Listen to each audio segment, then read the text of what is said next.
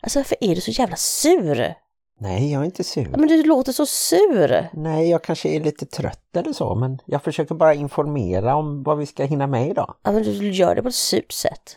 Ja, men, kan du inte bara ta emot informationen och så går vi vidare? Alltså nu är du sur. Ja, nu är jag faktiskt sur. Don't tell me that your life is dull and grey. My only answer is hey, hey, hey, hey. Let's go crazy in the wild, and if by chance we make a child, that just means that we're alive and healthy. Hej och välkomna till avsnitt 216 av Bonuspappan och Plus mamman, en podd om livet i en bonusfamilj, jag vill säga i en säng, för nu är vi i sängen igen och spelar in. Men det är en bonusfamilj och eh, själva podden är en podd om livet i den med tyngdpunkt på föräldraskap och relationer. Och vi sänder i samarbete med Hallands Nyheter, dagstidningen i Varberg och Falkenberg med omnejd. Och Martin har lite svårt att hålla sig för skratt. Det här körs väldigt raw idag faktiskt. För Martin har inte ens det där lilla, lilla manuskriptet som han ändå försöker envisas med att ha på sin dator så att han är fruktansvärt nervös men även lite glad just nu. Inga stödord, det kommer säkert gå bra ändå eftersom vi har en fantastisk gäst som är mest känd som Hej Hej Vardag. Tänk att heta Hej Hej Vardag. Bara hallå, Hej Hej Vardag! Jag tror inte man kan döpa sig till det. Man får nog eh, ansöka via Skattemyndigheten tror jag det kan vara. Så jag tror inte att så många kanske känner igen hennes face per se. Alltså om du skulle se henne på stan så skulle man inte, ah det är du. Men ni skulle absolut känna igen hennes teckningar för jag tror att alla här har sett dem. Mm. Hon har över 180 000 följare på Instagram, Louise Edlund Vinblad. Och vi var ju på den här föreläsningen och det som slog mig när vi satt där och alla, vad var det, 200 kvinnorna och fyra männen. Jag tror de sa 136 kvinnor och fyra män. Men då räknar de inte med mig i så fall för jag såg fyra andra. Men du är mycket en kvinna faktiskt Martin. Jo i alla fall, när vi satt där och alla skrockade medkännande och även du skrockade medkännande, inkännande, igenkännande ibland så kom jag på det att du har ju inte gått igenom den här småbarnsperioden, den här att man inte kan sitta på toa utan att någon bankar på dörren, att man inte har duschat på två veckor för att du vågar inte gå in i duschen för du tänker att nu vaknar bebisen, eller vaknätterna eller kolikskriken, blöjexemen, vattenkopporna etc. etc. Nej, det är lite speciellt. Jag kom ju in i den här bonusfamiljen när minstingen var fem och ett halvt. Och då hade ju du framförallt haft den tuffaste perioden när de tre äldsta växte upp. Det skiljer bara två och ett halvt år så de är lite pseudotrillingar kallas det ju. Precis födda 02, 03 och 04. Så att de är snart på väg in i vuxenlivet just nu. Jag tänkte att, men tyckte du också att det var lite roligt? Kunde du känna igen det utifrån någonting du själv har upplevt eller tänkte du bara, ja ah, men det är så här det är och så skrattade du bara för att alla andra skrattade? Nej, jag har ju inte upplevt det och eh, även om jag har brorsbarn som är i samma ålder och som jag har sett när de har varit små så har vi ju ändå bott en timme ifrån varandra och jag har ju inte varit där så mycket på vardagar när de var små. Nej, så du skrattade bara av grupptrycket helt enkelt? Nej, jag tyckte att det var roliga vinklingar och jag kan ju förstå känslan ändå på något sätt. Och jag tror inte det måste vara självupplevt all humor. Nej, och så slog det mig en till sak då när vi satt där och att vissa av problemen då som finns i vår bonusfamilj, alltså din och min då, består ju just av att du inte har varit förälder lika länge som jag, inte har varit med de småbarnsåren på samma sätt som jag. För du är ju liksom lite inne nu då när barnen är ganska mycket äldre i den perioden jag var när de var ganska mycket mindre. Alltså det här att du tror att du ska kunna kontrollera en situation. Du tror att det ska kunna vara perfekt, att man ska kunna tänka att ja, men barn ska läsa sina läxor, de ska vara tömma diskmaskinen, de ska vara tacksamma och allt sånt där.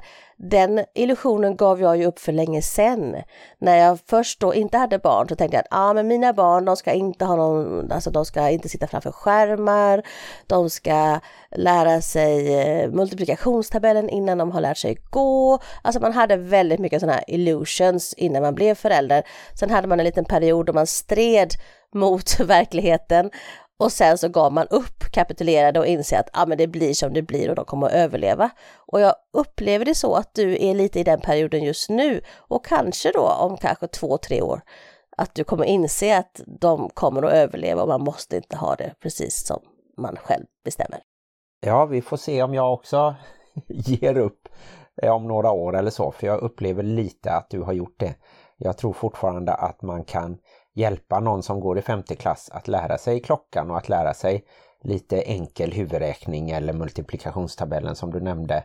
Och kanske ha några små regler sådär att man ska borsta tänderna eller man ska ställa undan efter sig och sådär. Och inte helt avsäga sig föräldraskapet. Det har du inte gjort riktigt. Men... Jag säga, det var väldigt hårt Det var lite att ta i. lite lapa också sådär med en lugn och fin röst och säga ja som du har gett upp och gett upp föräldraskapet. Nej men du säger ju själv nu att du tänker att det är för sent, man kan inte göra någonting nästan. Nej nej nej, jag har bara lagt ner de här striderna som man inte kan vinna eller som man inte orkar ha varje dag. Så här, om barn slänger sig ut i gatan, då är det fara på färde, då säger jag ifrån. Men om folk slänger sin handduk på golvet, då är det ingen som dör liksom. Nej, jag kan köpa det också men om man bara ska rädda barnen från livsfara då behöver man ju nästan inte vara förälder. Så men precis, då är vi tillbaka till det här som Louise försöker poängtera att till sist då är det så, när man är mitt i det här, man har små barn, då är det bara okej, okay, de lever idag, that's fine.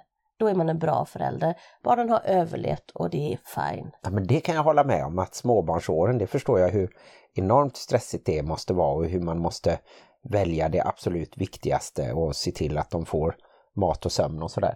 Men när de ändå är små individer eller när de är tonåringar, då kan man faktiskt ha lite regler och be dem hjälpa till ibland. Till ja men exempel. ni hör ju att mina teser stämmer. Martin och jag har inte bott på samma planet och därför förstår vi inte alltid varandra. Nej, så kan det vara. Och sen är det ju lite otur att det i våran familj är bonusföräldern som vill vara lite mer strikt.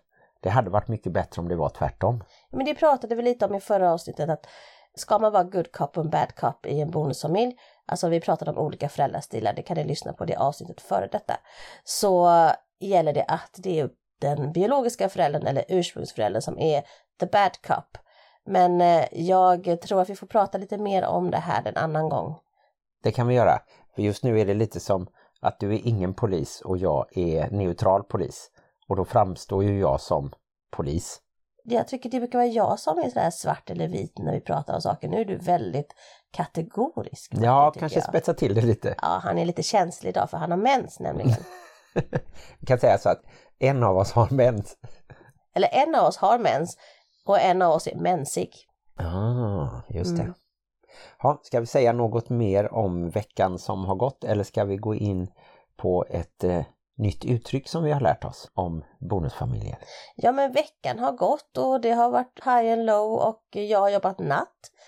Och du har då jobbat mer på hemmaplan vilket jag tycker det är väldigt bra att jag kan känna att jag kan gå hemifrån och att jag vet att barn och hundar är väl omhändertagna. Så det är viktigt.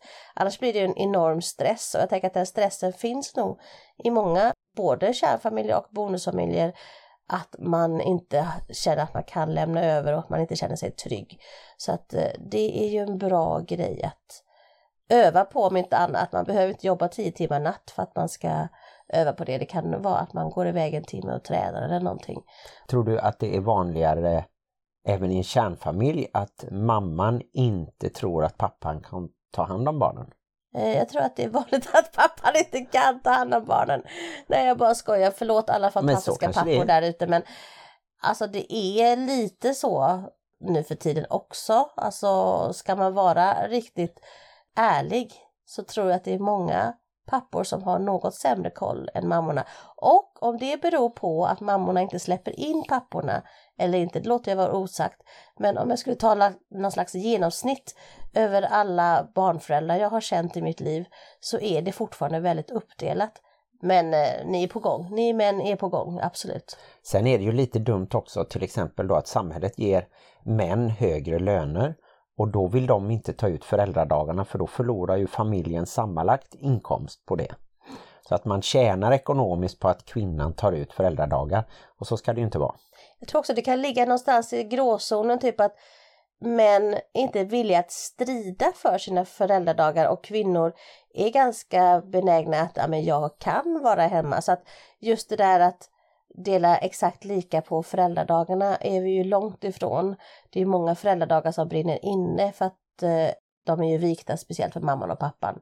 Och, sådär. och sen så finns det alltid undantag för detta. Men det är faktiskt så här rent krasst om man ser på siffrorna så tar männen ut enormt mycket färre föräldradagar än mammorna fortfarande. Mm.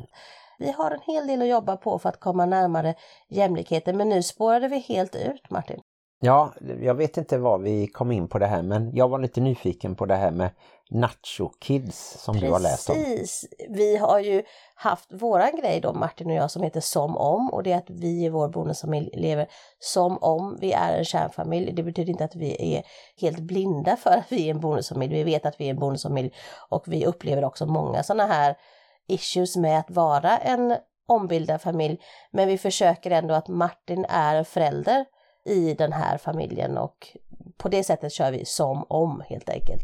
Men det finns också en metod som heter Nacho-metoden och den kommer från Nacho Kid, alltså Not Your Kid. Och en del säger så här Not Your Kid, Not Your Problem. Men eh, det ska egentligen vara så här Not Your Kid, Not Your Responsibility. Mm. Och eh, det kanske du förstår vad det betyder då.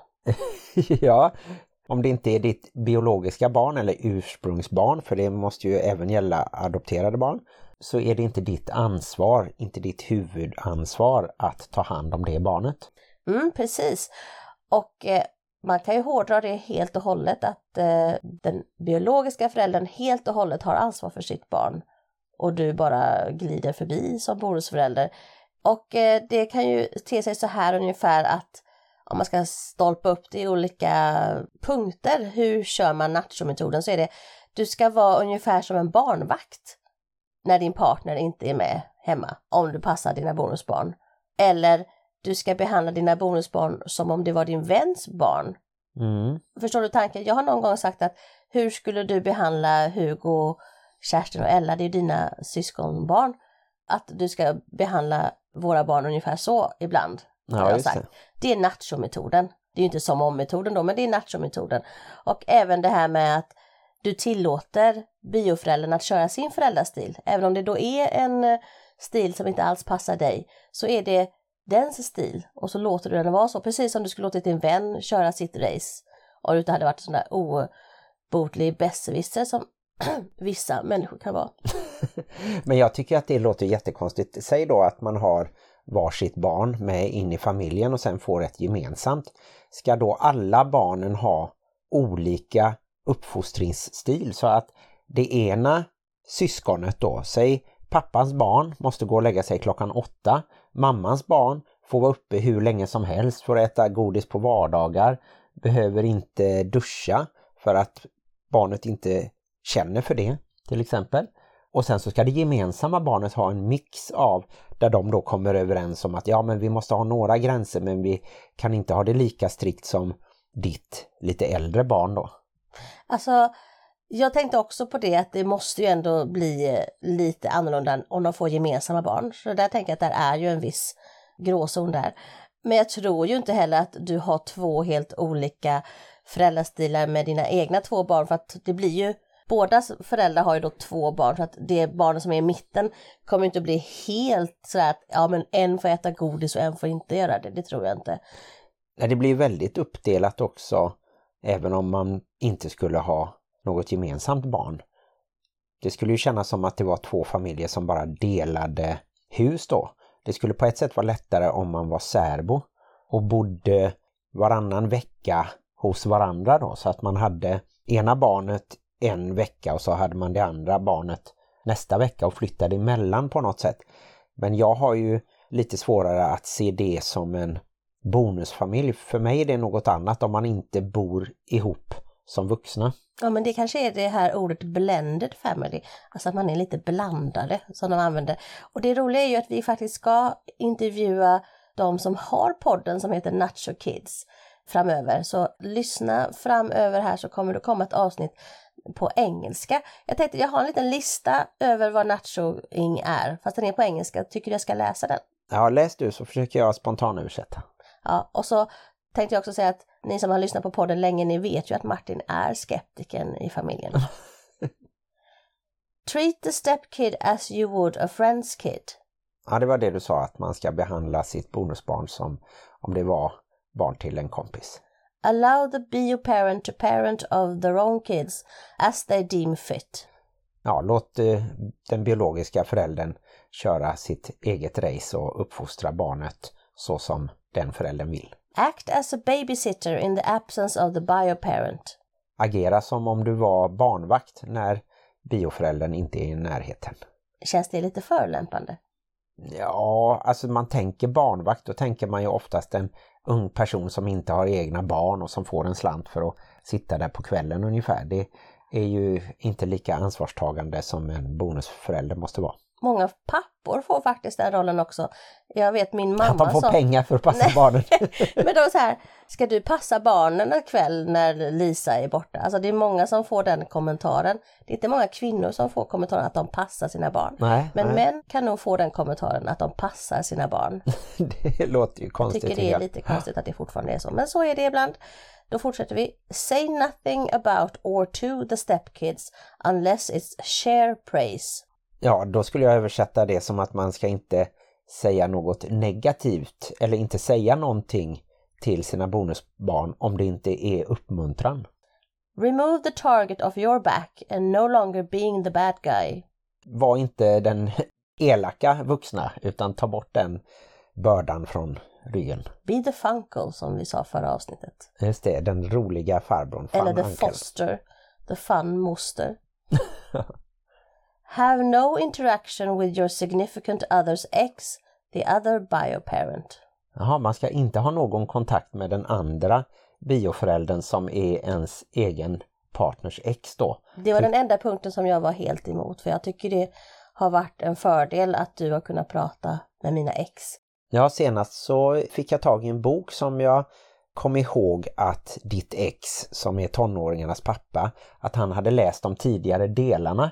Och då skickade jag en fråga om han ville ha den boken som jag hade fått då gratis.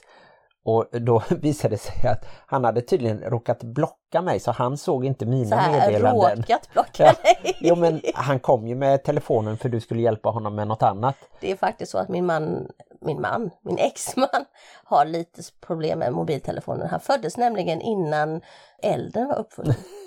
Han har ju en, en gammal iPhone 4 tror jag som eh, behöver uppdateras lite och sådär. Men då hittade vi faktiskt att jag var blockad så i våran chattgrupp så såg han bara dina svar. Och det förklarar ju en del. Men nu har vi löst det så att eh, jag tycker det funkar bra att ha kontakt med Anders. Här kommer däremot en punkt som jag tycker är väldigt bra. Let go of the things you cannot control and realize the ultimate control is to control how you let these things affect you. Är det inte väldigt Kai Pollak? Jag tänkte ju säga det att man ska då släppa det som man inte kan kontrollera och så ska man istället koncentrera sig på hur man själv blir påverkad av de händelserna. Help the stepkid if they ask you for help. That help can be by responding with Go ask your dad. Att man ska bara hjälpa till om man blir tillfrågad och att hjälpen kan vara att man hänvisar till den andra föräldern, bioföräldern. Jag kan minnas att det såg ut så i kärnfamiljen också. Man bollade barnen mellan, gå och fråga pappa, gå och fråga mamma, gå och fråga pappa. Och ibland så utnyttjar barnen det också. Mm. Och sen understanding you are not their mom legally, biologically, nor through osmosis or genie in a bottle. They have a mom and a dad. You are neither. Ja, att man ska inse att man inte är en mamma eller pappa. Jag tycker att jag kan vara skeptisk mot det också för att skillnaden beror ju på hur tidigt man kommer in i barnens liv. Och våran minsting har jag ju varit med nu i halva hennes liv och hon bor heltid här och träffar mig mycket mer än hon träffar sin biologiska pappa. Så en slags förälder är jag ju ändå, även om Ja, fast det är en det, det är mer, bonusförälder. de menar nog att du blir inte mamma eller pappa. Och det, det håller du ju faktiskt med om, även om du vill inte hålla med för att du gillar att inte hålla med. Ja, men vi har även gjort intervjuer där den biologiska pappan har fått cancer och dött när barnen var små och sen har de fått en bonuspappa som är väldigt eh, engagerad och som är som en pappa och kanske till och med blir kallad pappa. Ja men det händer och det vet jag och vi har fått brev i eh, gruppen också som vi har på Facebook, Bonusfamiljernas diskussionsgrupp. Så att eh, ja, nej, men vi fortsätter på listan, den är snart slut. Learning how to step back from the chaos. Det är ingen dålig grej, det tycker jag är jättebra. Att ta ett steg bort från kaoset, ja, Ja. det, är, det är ju på ett sätt enklare men samtidigt är man redan engagerad så är det ju svårt att bara titta på när saker går, går fel kanske. Ja men du har ju också den fördelen att du kan göra det. Alltså det är ändå en grej som du kan tänka, du kan ta fram det kortet ifall du vill.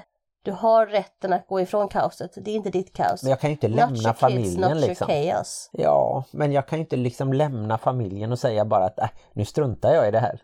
det går ju inte. Okej, vi fortsätter. Identifying your personal triggers, the roots of those triggers and how to avoid cope with unhealthy interaction. Det är också ett jättebra tips tycker jag. Det är också lite Kai Pollak, eh, han pratar i sin bok Att välja glädje om att man har olika brädor som man då retar sig på, speciella saker och här kallar de det triggers. Till exempel om jag alltid blir arg när jag ser en blöt handduk på golvet.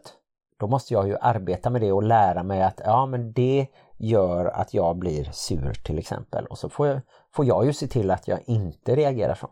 Undrar hur många gånger du har nämnt de där blöta handdukarna och hur jobbigt de som har lyssnat på alla gångerna tycker att det är. Ja, så kan det vara. Men som poddlyssnare får man bita ihop lite. Där kom den här jävla som... handduken igen. Vet, Alltså du hur många jag, handdukar har de hemma hos dig? Bor de i ett hav av handdukar? vet du när jag senast hittade två blöta handdukar på golvet i ett rum? Nej. Igår, efter duschning. Men det var ju för att du lägger ut en handduk på golvet för att eh, när jag ska duscha så lägger du den där på golvet. Och då tänker jag den handduken vill du väl ska ligga kvar. Så jag tog den ena handduken och la den på tvättkorgen. Mm. Det var inte dina handdukar. Det var de två handdukarna som Helle torkade sig med och gick in och la på golvet i sitt eget rum. Ja, ja. ja men vad, vad fint ändå att hon Men- tog dem in till sitt rum tycker Ja, jag. ja. Hon är inte gammal nog att lära sig det tydligen. Jag får se det att hon Se, kanske det lär sig det när hon blir vuxen. då. Ja. Så här, low affective passive aggressivity. Och du kanske kommer lära dig det om några år när du fyller 50. Lära mig lapa. Nej, lära dig att inte slänga blöta handdukar på golvet. Nu fortsätter vi på vår lista här tycker jag. Focusing on your blended relationship or marriage, not the stepkids or your significant others ex. Det är Ja, man- också bra ändå att Ja. man fokuserar på sin relation.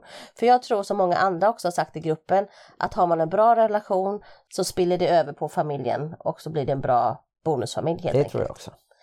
Being supportive of your significant others in their parenting role. It's their job to be parent, it's your job to be their partner. Åh, vilken fin mening! Jag tycker vi skriver ut den, ramar in den, sätter upp den på väggen. Ditt jobb är att supporta mig hela tiden. Ja, och då tänker jag att det gör jag genom att jag påminner om tandborstning när du har glömt av det.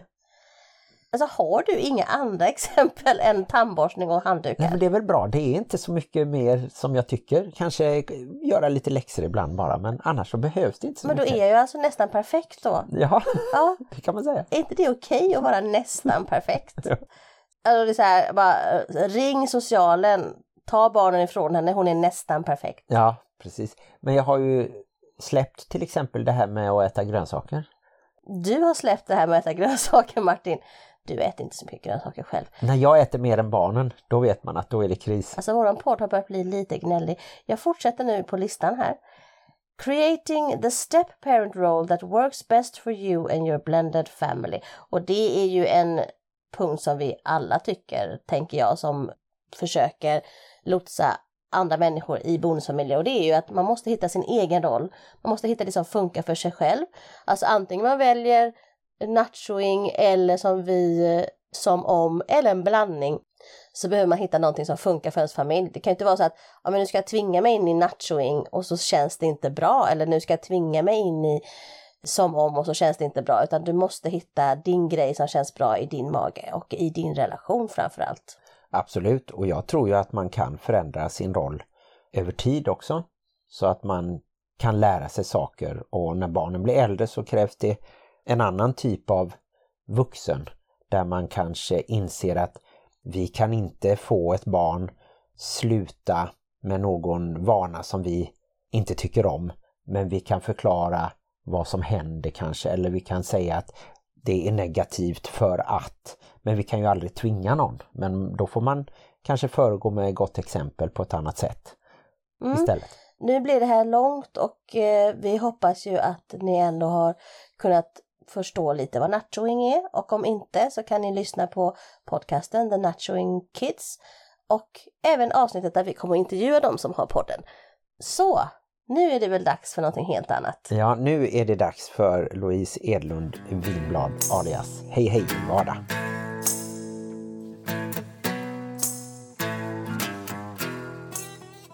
Hej och välkommen till podden Louise Edlund Winblad. Men du är ju mest känd som Hej Hej Vardag. Tack så mycket. Var är du just nu? Nu sitter jag uppe på vårt kontor slash sovrum hemma. Vi vabbar, både jag och min man idag, växelvis för att hinna med lite jobb. Så får man ju göra och då är du ju någonstans i Stockholms utkanter ja. kanske man ska säga. Ja precis, du menar kanske lite mer utzoomat. Ja precis, ja. jag är i Älta heter det, passande nog för en ältare som jag. Ja just det, eh, och det är där ja. du är uppvuxen också då? Nej, jag är eh, uppvuxen i Valdemarsvik på östkusten. Jaha, härligt. Ja, så Östergötland. Och hur brukar du beskriva dig själv när du träffar någon som inte känner till dig? Ja, jag brukar nog säga yrke faktiskt. Att jag är illustratör och bloggare. Sen kanske jag säger också att jag är mamma och mm. fru möjligtvis. Ja. till någon rangordning där jobbet ja, kommer först. Det är fint. Ja, det brukar vara så i Sverige kanske. Ja. ja. Och hur ser din familj ut? Jag har en man och tre barn. Barnen är åtta, nio och två år gamla. Brukar du kalla dem pseudotvillingar, de äldsta? Ja, det har jag nog gjort ganska mycket. Jag brukar säga att det är 13 månader mellan Just det. Bara för att folk ska förstå hur jobbigt vi har haft det. och mina tre äldsta bonusbarn, de är ju födda 02, 03, 04. Och det är ju inom två och ett halvt år så de är ju nästan pseudotrillingar faktiskt. Ja, ja. Jag blir alltid så djupt imponerad när jag hör sånt. Eller bara ja. sådana som har först pseudotrillingar och sen de som går typ två och ett halvt år senare. Då blir jag sådär oj, oj, oj. Ja, det, det var nog tufft för min fru. Jag var inte med på den tiden. Men märker Nej. du någon annan skillnad? Till exempel att man får en annan roll då? Att det inte är lika tydligt med vem som är stora syskon och lilla syskon? Jag tyckte det var det fram till skolstart. Då tyckte jag att de var väldigt sådär, ja men ganska jämngamla helt enkelt. Sen tyckte jag nog att det blev skillnad när de började skolan. Då, är det, mm. då ska det vara tydligt vem som är äldst och eh, vem som är yngre och ja, de drog åt lite olika håll. Så det, mm. där tyckte jag det började skilja sig lite mer faktiskt. Och hur gamla var de då när du började blogga och sen även lägga ut bilder? Jag började ju när Maja som är den tvåan då var sex månader så startade jag det här. Och det började med en blogg just? Ja, alltså jag startade en blogg och så tänkte jag att det Instagramkontot skulle dra in trafik till bloggen. Instagram var inte så stort då heller, i alla fall inte när det kom till liksom annat än folk som la upp sina egna foton och sådär. Ja, så det var väl mer så här, jag hade tänkt det som en, som en kanal in till bloggen egentligen. Men eh, sen blev ju Instagram större. Mm. Ganska snabbt. Och där tror jag att du har över 180 000 följare så du måste ju vara en stor influencer. ja, ja, ganska så stor. Men jag vet inte om du kallar dig det, om du känner dig som en influencer eller? Det där kom ju, jag hade ju redan bloggat ett tag när de eh, tyckte att man, eftersom Instagram blev större så tyckte de inte att bloggare täckte in tillräckligt så då mm. ville de ju ha ett gemensamt namn för det och då jag tycker att influencer är, eh, Ah, jag försöker väl, jag försöker bli, bli vän med ordet. Jag tycker mm. att det låter lite, ah, kanske lite självgott på något sätt. jag är någon som influerar liksom. Ja, ja man kanske tänker på något annat eh, än en eh, trebarnsmamma som gör väldigt roliga serieteckningar och så. Men det är väl också den bilden man har, alltså så var det ju med bloggar också. Det kanske, jag kanske ska använda det mer för att faktiskt vara en sån som breddar lite synen mm. på det. Mm. Så jag får, väl, jag får väl omfamna det där snart. sen så har du ju breddat dig lite kan man väl säga. Du lägger ut eh, små filmer och sen så har du ju en podd. Den nya heter Soffhäng med Hej Hej Vardag. Och Mm. tidigare var det ju Momsplaining som vi lyssnade på. Ja, precis. Det händer grejer. Ja, det, det, liksom, det känns som att det går på det som känns bra, vilket är såklart lyxigt och kul. Så det, ja, det har blivit lite, lite annat än när det startade. Har humorn liksom varit med dig hela tiden, ä- även under uppväxten och så? Mm, Ja, det skulle jag tro faktiskt. Jag skulle väl säga att vi är en ganska skrattig familj och att vi liksom har väldigt lätt att driva med oss själva och ja, också sådär anekdotberättare. Alltså, jag tänker fram, främst både min pappa och min äldsta syster, de brukar beskriva och berätta saker väldigt underhållande. Har du hämtat inspiration både från din uppväxtfamilj eller är det mest från din egen nuvarande familj? Nej, det är nog väldigt mycket i, i nuet. Jag jobbar ju mycket utifrån en känsla som uppstår, en frustration eller någonting som är kul eller någonting som är irriterande eller vad det kan vara. Och just sådana känslor kan ju vara svåra att liksom känna i efterhand. Och jag jobbar väldigt mycket utifrån hur det känns prick just då. Det är då det Mm. roligast i alla fall. Så jag har inte gjort något, nej liksom inte bakåt i tiden sådär. Möjligtvis när jag, när jag skriver och sådär om jag jag skriver ju ganska mycket om sådär kroppsnormen och det är ju sånt som man går igenom väldigt mycket när man blir gravid också. Att det ska vara, att det är prestation i att hitta tillbaka som det heter till sin Ja, gamla kropp och att det är liksom, ja, det kommer, då kan jag prata ganska mycket om hur det har varit tidigare för jag är ju uppväxt med liksom en, den här, det här smalidealet som de flesta i vår, vårt samhälle är Mm. uppväxta med. Så då, det är väl då jag kan liksom se tillbaka och tänka på hur det har varit att växa upp. Men annars blir- är jag väldigt mycket nuet. Och det blir lite som en ventil då liksom att du, du kan släppa någonting så att du inte går omkring och irriterar dig på det utan då hamnar det istället i en bild eller Eller Ja, så. alltså det är det som är magiskt med humor tycker jag. Att någonting som alltså verkligen inte är kul just när det händer är ju faktiskt riktigt komiskt då, många gånger.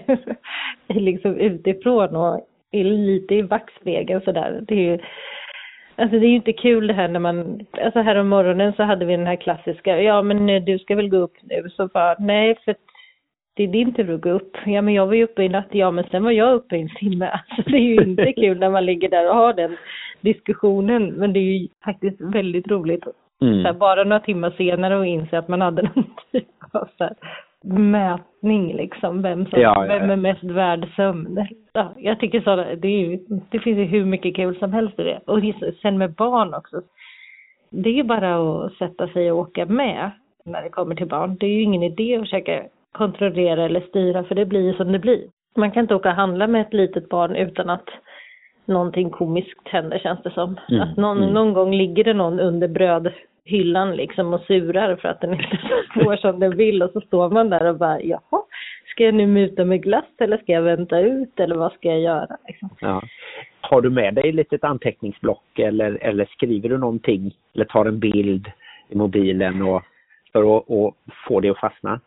Jag gjorde det jättemycket första åren. Så hade jag, jag tror jag kvar den, en lång, lång, lång, lång lista där jag skrev upp alla idéer som jag fick.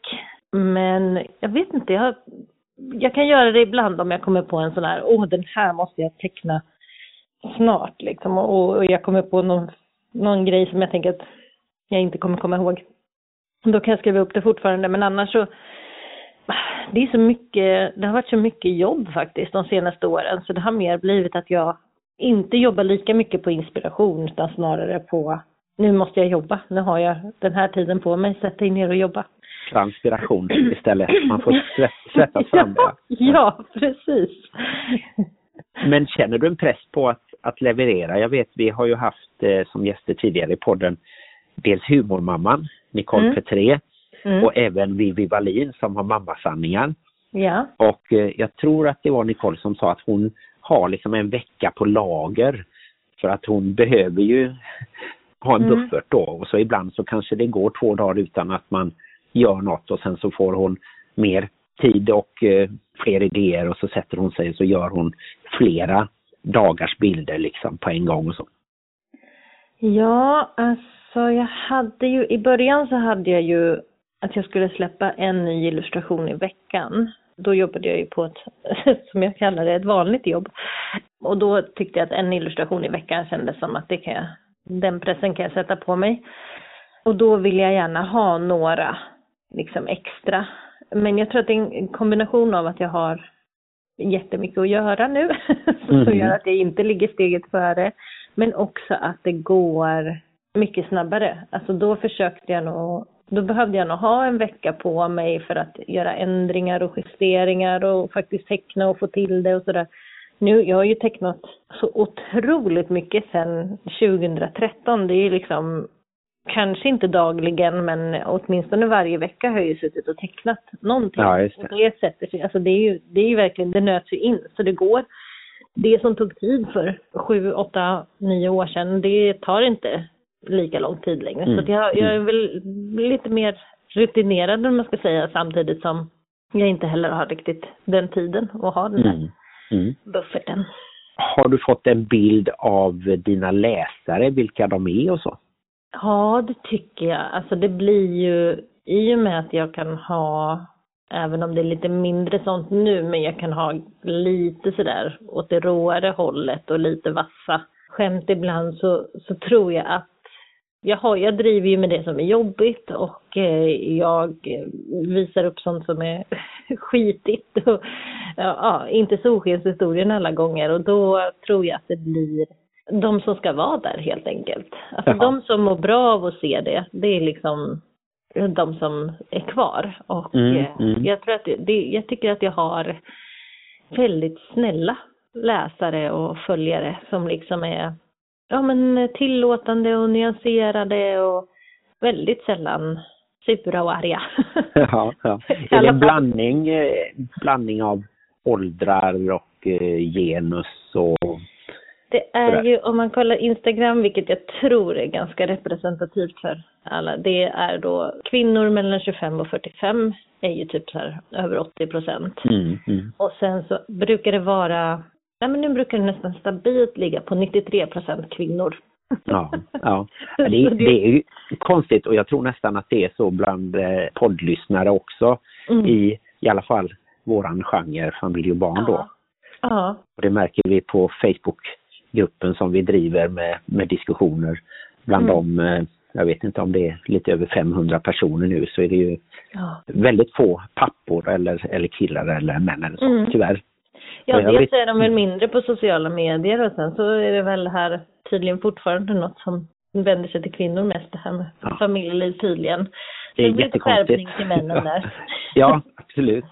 Hur är det förresten för din man att vara lite inspiration kanske till bilderna och blir han någon gång sådär ja, men det där var väl lite privat? Nej, alltså han har sagt en gång så sa han att eh, Louise, du behöver ju inte hämta helt från verkligheten ja. Och det var när jag hade gjort något videoklipp när jag tror att det var vi var irriterade på varandra eller någonting, jag kommer inte ihåg. Men det var Mm. verkligen så här copy-paste från något som hade hänt. Ja, ja, ja. Men, men det var ändå inte, alltså han, jag har ju insett det lite på, faktiskt lite väl sent, det borde jag kanske tänkt på tidigare, men att det är ju en otrolig tur att han är så soft inställd till, till hela Mm. grejen och att han verkligen inte Nej men han, han tycker att det är kul också. Alltså vi har ju samma, samma humor så han skrattar ju han med. Ja just det. Eh, Ja. ja, ibland så kan jag ju vända på perspektivet också när jag tycker att det, han, har- när jag är irriterad på någonting så vänder jag på det så att det är jag som är den irriterande istället. Men det ska jag faktiskt erkänna att det gjorde jag mer i början. nu, nu har jag slutat med sådana snällfasoner. Ja. ja, det är bra. Vad är de finaste reaktionerna du har fått? Jag menar, du har ju möjlighet att liksom prata direkt med läsarna via Mm. Instagram och så. Ja, det är ju faktiskt så härligt att kunna göra det. Nej, jag tycker om när folk, ja men om folk skriver till exempel, jag trodde bara det var jag och liksom tack, då Mm. känner jag så här att det är ändå en ganska viktig, när det är så här typ över tusen kommentarer och de alla skriver att de känner igen sig och så är det någon som känner att den trodde att den var ensam i det och så plötsligt så hamnar en hel grupp liksom, ja. som är precis lika. Det kan jag tycka är så här, för det måste innebära en sån lättnad, eller det vet jag ju själv, när man mm. har känt sig så här, gud det är bara vi som har det så här skitigt, eller det är bara vi som bråkar, eller det är bara, och sen så får man liksom sällskap i det där, vilken lättnad det är. Så mm. den kommentaren är väl en av de som jag tänker att den är, den är fin på det sättet. Att den vittnar om att vi behöver påminna oss att vi är många där. Och då får du lite energi också att jobba ja, vidare liksom. Gud ja. Alltså absolut. Utan hela den här, det här peppiga kommentarsbältet så hade jag ju liksom aldrig gjort det här. Det är ju, mm. Jag tycker att de, alltså alla läsare och lyssnare som är sådär bjussiga själva och alltså det är de, de gör ju halva kontot, att folk liksom mm. pratar med varandra och ser varandras kommentarer och skrattar åt varandra och delar med sig av saker i kommentarsfält. Alltså det är helt fantastiskt. Det blir ju mm. liksom, jag kan tycka också i det här sociala medier där det är så extremt mycket prestation och press och det ska liksom vara perfekt på precis alla områden så är det så himla härligt att se när folk bara, så här var det för mig och så delar med sig och så är det värsta kaosgrejerna och, och så, så att alla bara hittar varandra och, och, och skrattar åt det hela liksom. Mm, ja, det, mm. det, är helt, ja det är underbart. Du är utbildad lärare, har du jobbat som gymnasielärare också eller? Mm, det gjorde jag i, gud hur många år då då? Jag var ju föräldraledig däremellan men jag kanske jobbade fem år och sen var jag föräldraledig också. Så. Ja, men aktivt kanske det var typ fem år. Det är något som du tänker att du kan komma tillbaka till någon gång eller känner du att det är ett annat liv på något sätt? Och jag är, jag är lite kluven. Jag tyckte att det var fantastiskt roligt med eleverna och eh, kollegorna. Alltså få, eller det kan jag inte uttala mig om, men jag tycker att det är så otroligt många eldsjälar i lärarkåren. Mm. Så många ljuvliga människor som jag träffat där och eh, elever på estetiska program är ju svårt att inte älska många gånger. Också kan vara skitjobbiga, som alla ungdomar, men liksom Ja, det är en väldigt härlig värld på något sätt, om än kämpig. Men det är ju det där med, med de där yrkena där man ger väldigt mycket och mm. Som oftast är uppåt då mot ledning och sånt så kan det vara lite kämpigt och då krävs det mycket energi. Det är det jag menar med de här eldsjälarna som är där, som är kvar och kämpar på. Det är liksom inte alltid nedförsbacke om man säger så. Så jag tycker att eh, det är ett väldigt, väldigt roligt jobb men också tar väldigt mycket. Mm. Och då är det ju roligt att jag kan först nu säga att jag är lärarbarn, båda mina föräldrar, eh, fram tills de blev pensionärer. De träffades eh, när de pluggade och blev eh, gymnastiklärare båda två. Och mina tre äldsta bonusbarn ja. har ju gått eh, F1 alla tre. Två på musik och en på bild. Så att eh, de är väldigt, de är väldigt härliga och kreativa och eh, jag tror att det kommer gå bra för dem. Oh. Helt klart. Så att, eh, våran podd handlar ju mycket om bonusfamiljer och mm. du lever ju i kärnfamilj. Mm. Och jag vet inte hur du växte upp men har du haft någon erfarenhet eh, av bonusfamiljer eller funderat kring det eller med, med vänner som är i den situationen? jag har ju tänkt rätt mycket på det nu med sådär kompisar när jag växte upp som vars föräldrar skilde sig. Vilken mm. skillnad det ändå var då med, alltså det var ju verkligen så här pappan varannan helg och vi har pratat om det nu så här att Gud, att det var så standard att man träffade ja. sin pappa liksom två dagar varannan vecka. Alltså vilken, ah, så himla sjukt. Att det Eller var... till och med ännu tidigare på 70-talet när det kunde vara så att föräldrarna delade på det. har vi haft gäster i podden där mamman tog ett syskon och flyttade iväg ja. liksom 50 mil. Och då blev man ju inte syskon längre på samma nej, sätt. Nej, och det påverkar ju jättemycket sen när man själv är, är vuxen då och kanske ah. skaffa familj och så har man ett syskon som man liksom inte riktigt har vuxit upp med. Nej, herregud alltså. Och jag får så här, jag får magknip Ja, det är jobbigt. Ja. Men nu då, i nutid och min närhet, så har jag ju min äldsta syster som skilde sig för mer än fem år sedan tror jag. Mm. Och eh, träffade en man som hade fyra barn och hon Aha. har två barn.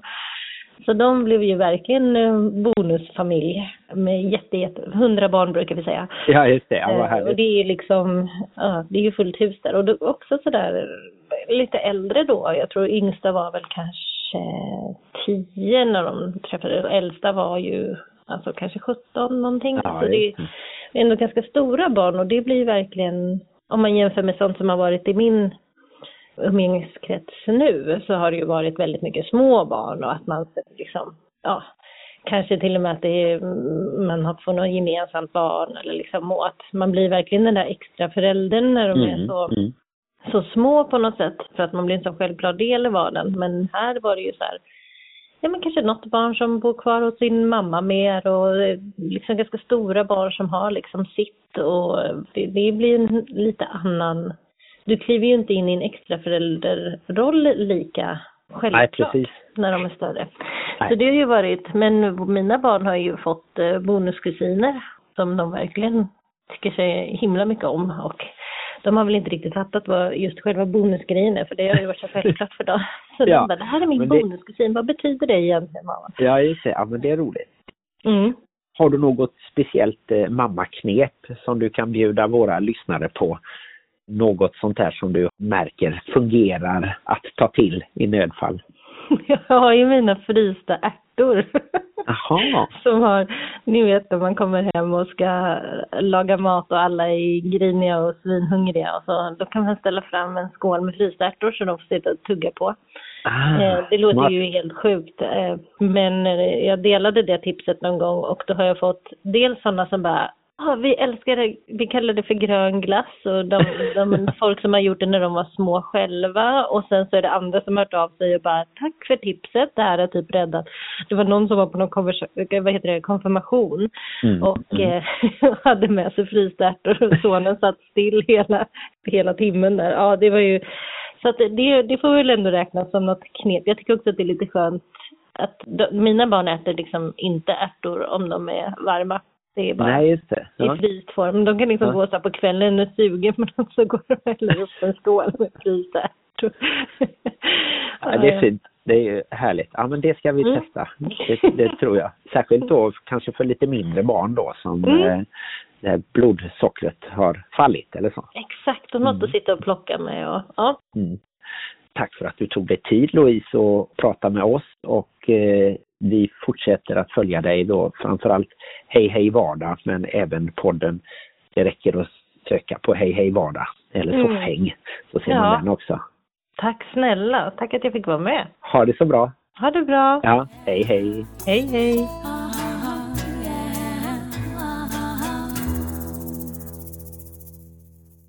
Ja, då tackar vi Louise för hennes berättelse om sin familj och om Hej Hej Vardag och om den gröna glassen som var frusna ärtor. Det funkar tydligen väldigt bra på Det hade småbarn. aldrig funkat på Martin, han äter inte gröna ärtor om så hans liv skulle bero på det.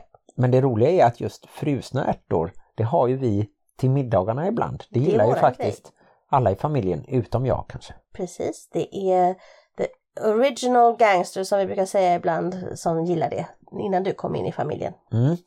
Tack för att ni har lyssnat. Glöm inte att ni kan höra av er till oss med tips på personer som vi borde intervjua eller på ämnen som vi borde ta upp och diskutera utifrån våran lite mer amatörmässiga utgångspunkt. Vi har ju ingen utbildning inom de här sakerna utan bara våran egen erfarenhet av olika slags familjer. Eller om ni vill klaga på saker som att Martin alltid är skeptisk eller att han alltid tjatar om handdukar och tandborstning. Eller om ni vill hylla den eh, fina biologiska mamman som kämpar på i bonusfamiljen med kärlek och engagemang. Mm. Då kan ni mejla bonuspappan.plusmamman gmail.com och eftersom den är så lång den adressen så kommer ni inte orka det. Så då kan man bara skicka meddelande på Instagram om man vill det. Och ni kan även skicka choklad för att jag tycker att det är härligt med choklad. Mm. Bonuspappan och plusmamman finns ju alltså på Instagram och Facebook och på Facebook har vi även bonusfamiljernas diskussionsgrupp. Där närmar vi oss 600 medlemmar och det är väldigt god och stöttande ton. Och vill ni lägga ut ett anonymt inlägg så kan ni skicka det till oss på PM och så skriver vi det så syns det inte vem det är som har berättat om sin familj eller behöver hjälp med ett problem. Mm. Hinner vi med veckans bajs idag? Ja, har du någonting att eh, erbjuda? Jag, senast jag såg bajs så var det våran lilla valp Parker som var ute i trädgården. Nu tänker jag på Annika. Hon hatar när jag säger att livet är bajs, för det sa jag ganska ofta innan jag träffade dig, så sa jag livet är bajs. Och hon sa, du får inte säga bajs hela tiden. Och hon lyssnar ju faktiskt på våran podcast ibland. Och nu har vi sagt bajs kanske 20 gånger. Men har du någon veckans B? Jag tror att de sakerna som jag retar mig på, det handlar mest om att jag själv inte hinner till exempel kratta upp alla löv i trädgården och sånt där. Jag har ingenting, tror jag, negativt om bonusfamiljen den här veckan och det är ju skönt. Ja men det är nog för att du har kommit in i det här föräldralivet och det är ju så, även om livet kan se ut precis som på Louise bilder så glömmer man så snabbt bort det. Man glömmer det jobbiga och det eländiga om man bara får sitta ner vid ett matbord och bara titta på underverken och tänka att shit, jag skapade de där. Vad fantastiskt. Men eh, jag ska väl kunna anstränga mig att hitta något bonusfamiljsbajs och eh, jag tycker nog fortfarande att det kan vara så att du ibland är lite skadeglad om ett barn gör någonting och sen eh, liksom på något sätt kommer att vara lite skvallrig känns det som. Då blir det som att jag har ett barn till som är det här äckliga skvallerbyttarbarnet som ingen tyckte om i skolan. Jag tror att det var Helle som en morgon här, hon ljög och sa att hon hade ätit frukost och så hade hon inte det. Och så kom du ju på henne och då kom du in till mig och sa Helle har inte ätit frukost och då fick jag liksom ropa in henne och, och skälla lite på henne. Inte för att hon inte hade ätit frukost utan för att hon ljög om det. Och då kändes det så här lite, det här är en typisk bonusfamiljsbajs. Att bonusföräldern kommer in, skvallrar och jag skäller på barnet och bonusföräldern kanske känner, ja, ah, det där var rätt. Ja, exakt så var det inte denna gången men jag kan förstå hur du menar att jag vill att du säger till. Och då är det lite sådär för att Helle lyssnar mer på dig eftersom du är den biologiska mamman. Nu var det att du frågade henne, har du ätit frukost? Ja, jag tog lite ProPud och så sa jag, jaha vilken då? Och då sa hon päronsmak och då hade jag sett eftersom jag slänger och sorterar skräp i lådorna så såg jag att ja, men den låg där redan igår kväll. Och då sa du, jaha, ljög du om det? Så att just den situationen var, där var vi båda två här och pratade med Helle men det var jag som liksom avslöjade att hon ljög. Och du var lite nöjd över det? Nej, jag var lite ledsen för det. Ja, ja men då så. Ja, men det var i alla fall min veckans bonusfamiljsbajs, det här med att man ska vara det eviga navet i bonusfamiljshjulet. Och då vill jag istället lyfta fram att jag är lite taggad att vi ska till Varbergs teater även idag. Igår var vi ju på föreläsningen med Louise och idag så ska vi på All Together Now som är en musikalkonsert där både våran äldsta dotter Saga är med och hennes äldsta kusin Elinda. Men är inte det fusk och säga något positivt under punkten bonusfamiljens bajs? Jag vänder det till en, en liten haj att eh, ikväll blir det musikalkonsert och den spelas tror jag på 5000 platser runt om i världen, liksom samma koncept. Vad jobbigt för Elinda och Saga att hoppa runt på alla de 5000 ställena. Ja, eller jämföras med alla de andra som är med. Men de är väldigt eh, duktiga. Det är Torbjörn Svan som även har PS-musikalen i Varberg som sätter upp den här föreställningen. Men den får ni höra lite om i nästa vecka istället. Mm. Vi tackar er alla som har lyssnat. Vi hoppas som vanligt att ni har fått någonting med er. Och vi ber om ursäkt för allting som ni har fått med er som är jobbigt att bära i efterhand. Vi är bara två helt vanliga människor som lever i en bonusfamilj och eh, med vår podcast vill nå ut till er andra genom att säga att livet i bonusfamiljen kan vara besvärligt men också, men också härligt! härligt! Sa jag fel där också? Hej då! Hej då! nu måste vi skynda oss lite för vi ska ju iväg till Halmstad med Parker. Ja, och så ska vi ha en bonushund med oss med. Ja just det, en Siberian Husky är det ju denna gången. Yes. Mm. Har du hunnit äta frukost? Mm, vågar jag svara på den frågan? Ja, det beror på. Tänker du ljuga? Tänker du vara en nosdetektiv och så rota igenom våra sopor? Nej, jag vet att du klarar dig utan mat. Ja, this body needs no more food.